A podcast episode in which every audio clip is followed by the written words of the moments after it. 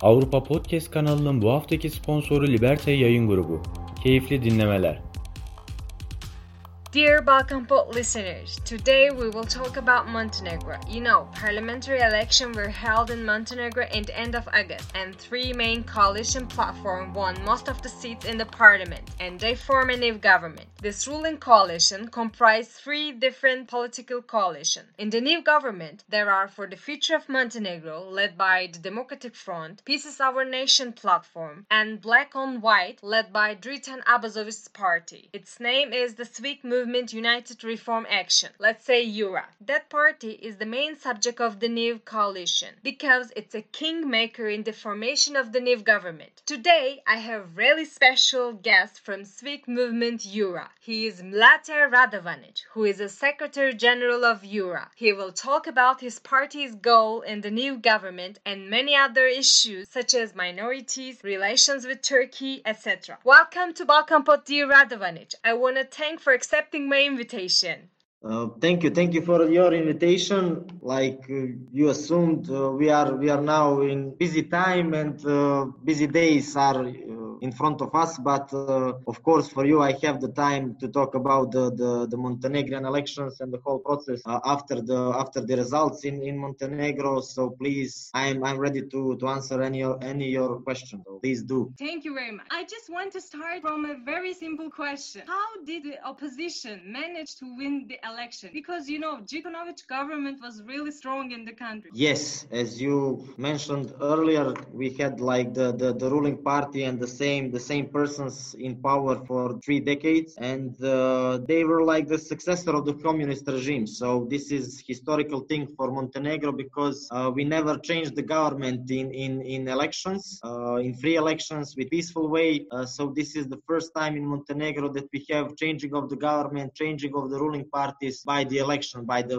mostly free election, not not totally free, but pre-election. Uh, the case here in Montenegro was special because we held our our parliamentary election during the Corona pandemic. It was it was close close, but it was enough for us to to gain the power from the DPS, from Djukanovic, and from the ruling party. As you as you said, uh, these three coalitions uh, have 41 seats in the parliament, so 41 is majority of 81 seats in the in the Montenegrin parliament. So it was tight, but it was enough for us to, to make the changes in Montenegro. And the most important thing is that those three coalitions, these three coalitions have the power without any, without any, any other party. But also uh, we, we are calling for the other parties, especially the minority parties here in Montenegro to, to become the, the, the part of the new, new government and to, and to be the majority in the new parliament. I see. You know, after the election, three coalitions decided to set aside their political differences and form the next ruling majority. And you, actually, these parties, and you pledge to continue on Montenegro's European membership path and to tackle corruption. Actually, in my opinion, almost all parties in the Balkans give these promises to their citizens. Do you believe that you will keep these promises as a coalition? Because there are many different opinions within the coalition. I think it would be difficult to make a joint decision. What are the red lines of each party to keep going together? First of all, uh, in programs we don't have much, too much uh, similarity, especially with this uh, coalition for the future of Montenegro, led led by by Democratic Front. With Democrats, with Peace of Peace is our nation, we have some similarities, but with the Democratic Front, we are we are the opposite uh, regarding to the to the program of the parties. But during the campaign, our key message was the the, the black and white platform, and the first principle in that platform was to tackle and to fight against the corruption and organized crime. So uh, we, after the, the, the, after the result, results and after the, the knowledge that we we have the, the, the majority in the parliament, we uh, settle down with with uh, other two coalitions and we have some agreement. One of the, the agreement was with some key principles before the starting the negotiation process and starting the forming of new government. So these principles were about the, the our European path that we will continue uh, everything to do everything and to, to reform our society uh, in order to become the next member of the European Union, member state of the European Union. Also to improve uh, our NATO status and our cooperation with other uh, NATO NATO countries, and also to uh, involve, so to, to, to invite and to involve other minority, especially minority part, parties, as I said earlier, to, to become the, the part of the new government. So uh, these are some the key principles. We did this agreement especially because of Democratic Front, because there are some doubts about their behavior in the future government because uh, they are not so open-minded about the European Union and they are not so in favor of the European Union. They are uh, like in declarative way they are they are for, they are pro-European Union, but uh, they are against NATO. For for for example, they are against NATO. So to ensure our European path, to ensure ensure our uh, Uh, NATO status. Uh, we did this agreement, and uh, for now they are they're respecting it, and we will see for the future. Uh, like you said, for the for the coping with corruption and organized crime, these uh, ruling party, especially with the persons led by that that are in in in, the, in front of DPS, they are the same persons that they were involved in the whole 19th here in in the in the Balkans, whole, whole bad things that happened here during the the 19th in the Balkan, and also after the independence in Montenegro in 2006, they still uh, have the power. They are authorities for, for three decades and uh, they have good connections with organized crime and, and with the corruption. They, the, some of the key uh, key persons in, in DPS, like like Secretary General, the President of Montenegro, was involved in some big affair called Envelope Affair, where he put the money. there is some video footage where he puts the money, 100,000 euros, in his pocket from one of our, our So and still nothing. He he is not like he gives the, gives the statement to the uh, to the prosecutor and he is not accused and anything. So this person cannot be like they will uh, if they try to to fight against corruption, they will try to fight against themselves because involved uh, with uh, some suspicious uh, suspicion all all over all over Balkans. So that is why we don't have good results in chapters 23 and 24 uh, regarding to the European Union negotiation process because these persons cannot be the, the, the guarantee of, of fighting against corruption because they, they themselves are involved in, in some of those those those things. I see. So hard times is waiting your coalition, I think, huh? Yes, we like I said, we did historical thing, we did a great thing, and we we have a much greater thing in, in front of us and important things to do to to reform our society. We have also um, uh, crisis in in economy, uh, especially after the, the, the corona crisis, corona pandemia,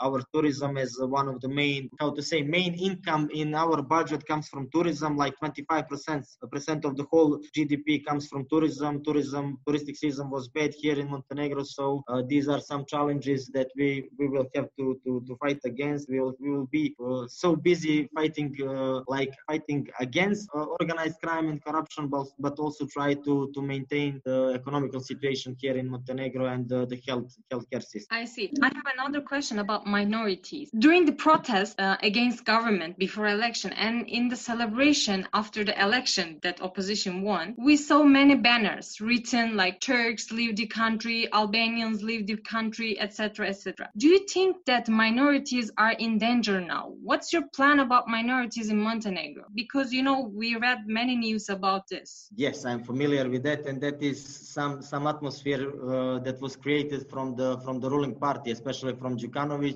uh, through their through his media uh, all across the the, the, the Balkan, uh, especially in in Bosnia and Herzegovina and Kosovo and Albania, because like some Bosnian minority here and Albanian minority is jeopardized. But like I said, coalition black and white, we we represent the, the, the Montenegro like like the small Montenegro because here we have people from every religion, every nation in Montenegro. We have it here on our list in our platform. Also, we have Uh, one of the minority party here as a member of our coalition that is called uh, Reconciliation and Justice Party. Uh, that is like Bosnian minority party here in Montenegro. We also have like Bokeljski Forum uh, that is Croat party here in Montenegro. So we represent like Montenegro in small. Uh, you mentioned about the, the, the church and their involvement here during the, the, the process and the, the election day and everything. You have here like religious law was the big topic here in Montenegro that overlapped even the, the corona crisis. Uh, here, people in Montenegro are very close to church, very close to any religion and every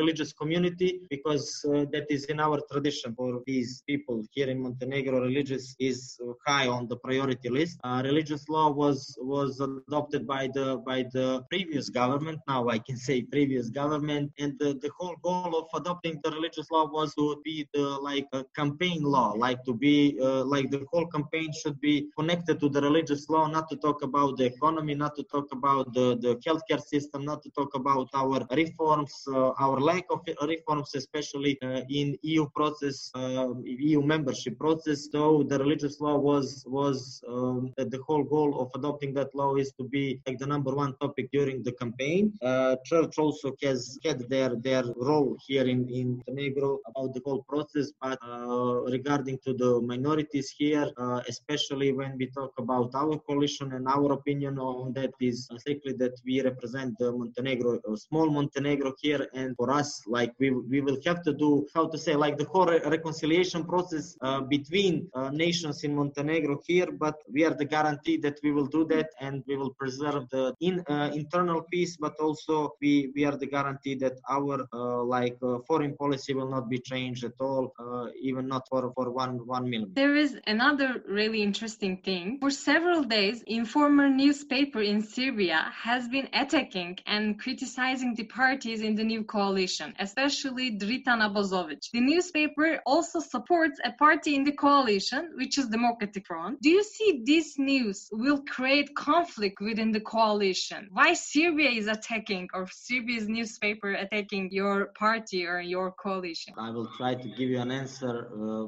not to talk about the, the, the, the, tabloid that you mentioned because Informer is tabloid, not not a newspaper, and their their executive uh, director is connected to Vucic and etc. Democratic Front is also connected to how to say to current government in in, in Montenegro in in Serbia. Uh, but for us, the important thing is to uh, manage our our relations and to settle our deals here in Montenegro between us, no matter how some some interest interest from outside want to be wants to be accomplished here in Montenegro. So if we uh, agree on some issue, we will we will agree it here in Montenegro between us between these three coalitions. And if uh, that agreement is not uh, how to say if they break down the, that agreement, we will break down the government. So that is an easy an easy one, an easy easy question. So I don't think that Informer or any other tabloid will will have like influence here in in Montenegro in our coalition. So if we agree on something and if you respect that, then we will have like the government and we will have good cooperation. If you don't don't do that, if you break down the, the negotiation, if you break break down the agreement, then you will you will have the consequences. And my last question will be about, of course, Turkey, where I'm from, and how will the new government's relation with the other countries be? And Turkey had a good relation with former government. So what do you think about this? Uh, I think that Turkish government has has had and has a good connections uh, through Bosnian party here in, in Montenegro. That is a natural thing, and we also called like Bosnian Bosnian party to be to be a part here, to be a part of a new government. But also, like I mentioned, we have like uh, in our coalition Black and White, we have uh, one Bosnian party, one party that represents Bosnian people in Montenegro. When we talk about the government politics and Black and White politics in in the government, uh, we are of course for a good foreign policy with uh, to have good connections with with every every country in the world, especially with those countries that are in our region. So neighborhood policy is high priority for us, and especially with with those countries that have traditionally good connections with Montenegro and traditionally have say their interest here, but have some have some economical and political influence here in Montenegro. I'm thinking about about Russia, about about Turkey, and also about the United States and European Union. So four ma- major players here in Montenegro and uh, on the whole Balkan region, and I, I, I think that the, the new government, government will have the good connections and good uh, relations with those four mentioned states. Three states and one one union. So European Union, USA, uh, Russia, and Turkey are uh, traditionally a good partner here, and, and I think it, it will continue no matter what the government is. Thank you very much, dear Radovanic. Thank you once again for participating in my Balkan Pod. Dear Balkan Pod listeners, see you next week, same day, same time.